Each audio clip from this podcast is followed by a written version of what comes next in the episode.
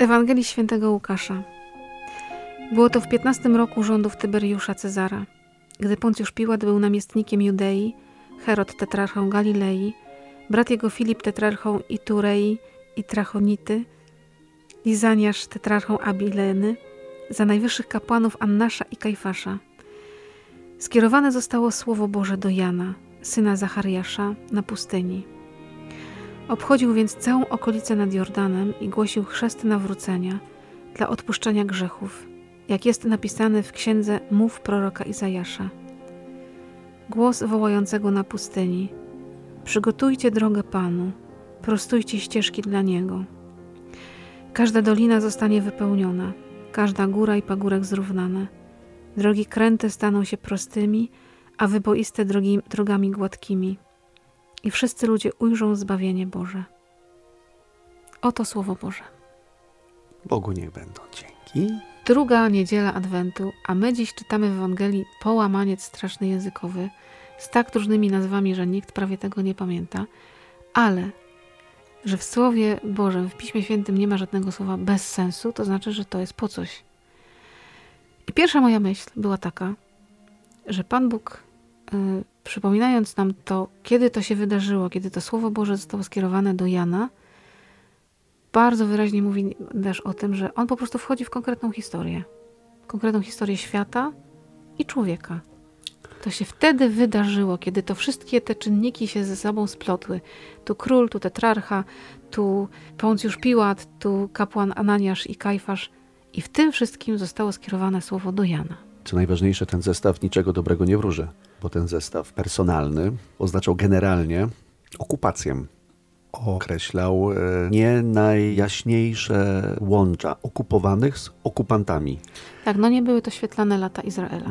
Niewątpliwie tak. Generalnie, tak jak to później słowo wyraźnie określa, doliny, zakręty, krzywizny, no pokręciło się, pokrzywiło się.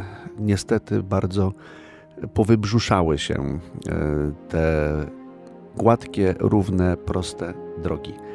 I to jest w tym momencie rzeczywistość, którą wchodzi właśnie Bóg. Ciemną, skorumpowaną, nie absolutnie sprzyjającą szczęśliwemu, pięknemu, wolnym państwie, wolnym narodzie życiu. To pogmatwanie, ten czas, który się wydawał Izraelowi czasem trudnym, kolejnej niewoli, kolejnej okupacji, przychodzi Bóg ze słowem do Jana. I jakie to musi być słowo?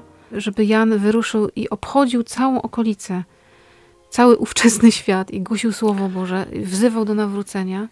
Jaką musi mieć moc to słowo, że człowiek pokonuje każdą swoją przeszkodę, każdy lęk, każdą tą nierówność. No mnie się to skojarzyło bardzo tamta sytuacja narodu wybranego z sytuacją naszego narodu.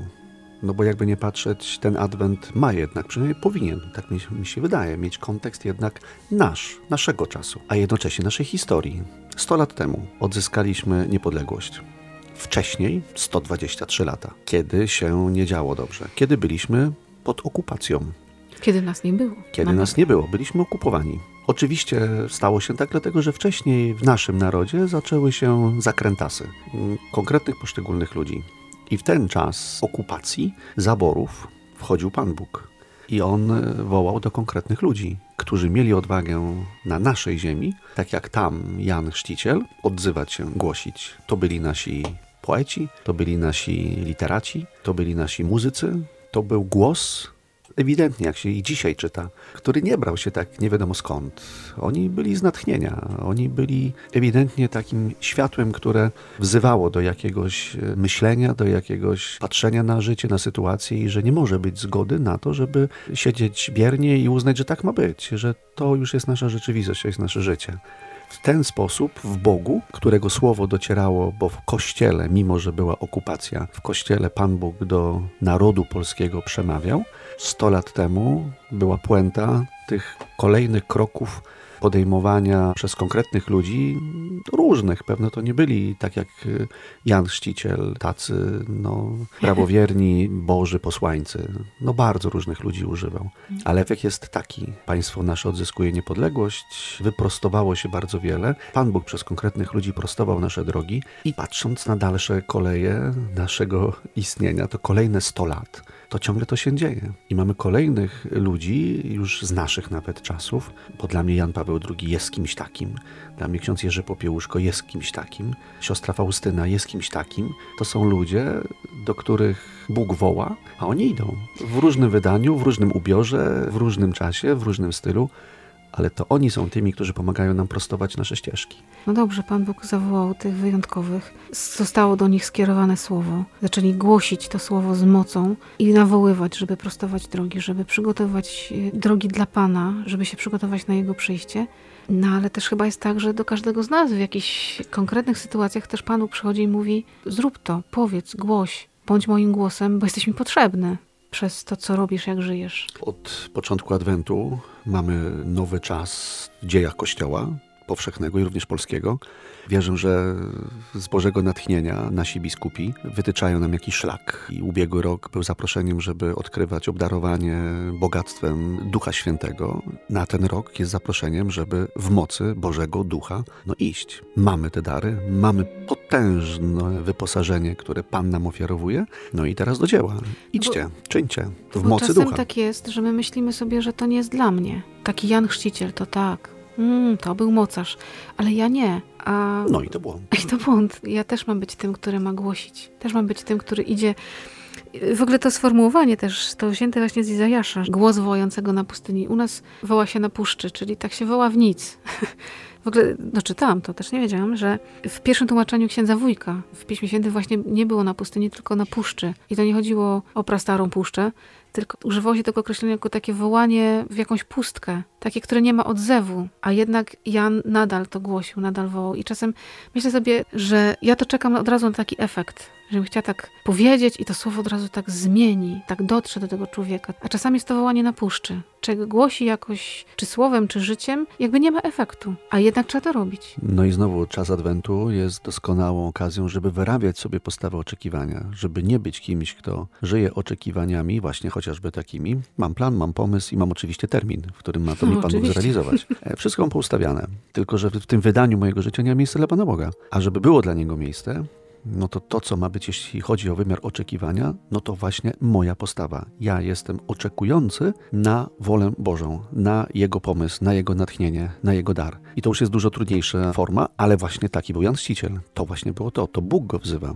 To nie on sobie wymyślił, co będzie robił, widząc sytuację jego narodu, jego, jego braci sióstr, tylko Pan wyraźnie określa, co on ma robić, kiedy ma robić, jak ma robić, i on to robi. Mamy na kartach Pisma Świętego takich mocarzy, takich twardzieli e, zaufania z tymi ostatnimi, którzy za chwilę nam mocno zaistnieją Matką Bożą, świętym Józefem. No i potem, już wchodząc w nasze czasy, bardzo konkretni ludzie. To jest e, pomysł na życie szczęśliwe, zwłaszcza dla człowieka wierzącego dla każdego z nas. To jest zaproszenie, które Bóg kieruje do każdego. Zaufaj mi, ja Ciebie poprowadzam. Ja mam I, i dla Ciebie tym, przesłanie. Tak, i nie bądź w tym bierny, bo to wołanie Jana przygotujcie, wyrównajcie, y, zróbcie. To jest takie wezwanie, żeby nie być biernym, żeby się y, zacząć robić coś dla Boga, nawet najmniejszego. To jest wezwanie dla mnie, dla księdza, dla każdego. Ale tak naprawdę, jak się za to zabrać?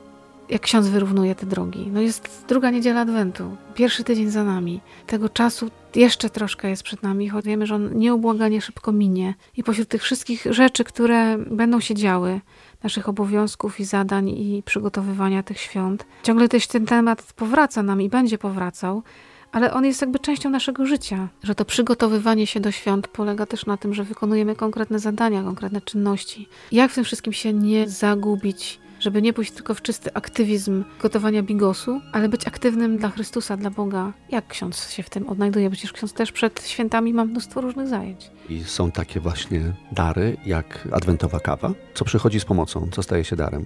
Tak takich darów Pan Bóg ma dla nas przygotowanych mnóstwo. Tu znowu otwartość na sygnał i coś, czego nigdy nie doświadczyłem, czego nigdy dotychczas nie było. Naraz może stać się dla mnie darem. Byłem w zespole szkół dla osób niewidomych, niedowidzących w naszej berelowskiej szkole, gdzie było zakończenie pewnego projektu które miał bardzo ciekawe hasło. Ja nie widzę Ciebie, Ty zobacz mnie. Chodziło o to, żeby pokazać, że są osoby, które nie widzą i jeżeli ktoś, kto widzi, tych ludzi nie zobaczy i im nie pomoże, no to ja nie widzę Ciebie, Ty zobacz mnie. I tak sobie pomyślałem, że to jest kapitalne hasło adwentowe. Boże, ja tak często Ciebie nie widzę i praktycznie nie mam innego wyjścia. Ja mogę tylko polegać na tym, że Ty mnie zobaczysz. Mimo, że fizycznie widzę, ale ja Ciebie ciągle nie widzę. Zobacz mnie i poprowadź mnie. Podsuń mi kogoś, coś, co pomoże mi w tym adwencie Ciebie zobaczyć. Abym Ciebie zobaczył, a przez to mam szansę, że tak naprawdę zobaczę, jak piękne jest moje życie i że z Tobą warto żyć. I dlatego warto pozwolić Tobie się w sobie narodzić. No to amen. To amen. Błogosławiony świąt bardzo życzę. I Narodzenia Pańskiego. I błogosławionej dzisiejszej niedzieli. Niech Pan Jezus nas widzi dzisiaj. Nie uciekajmy Mu za bardzo. Dobrego dnia z Bogiem. Z Panem Bogiem.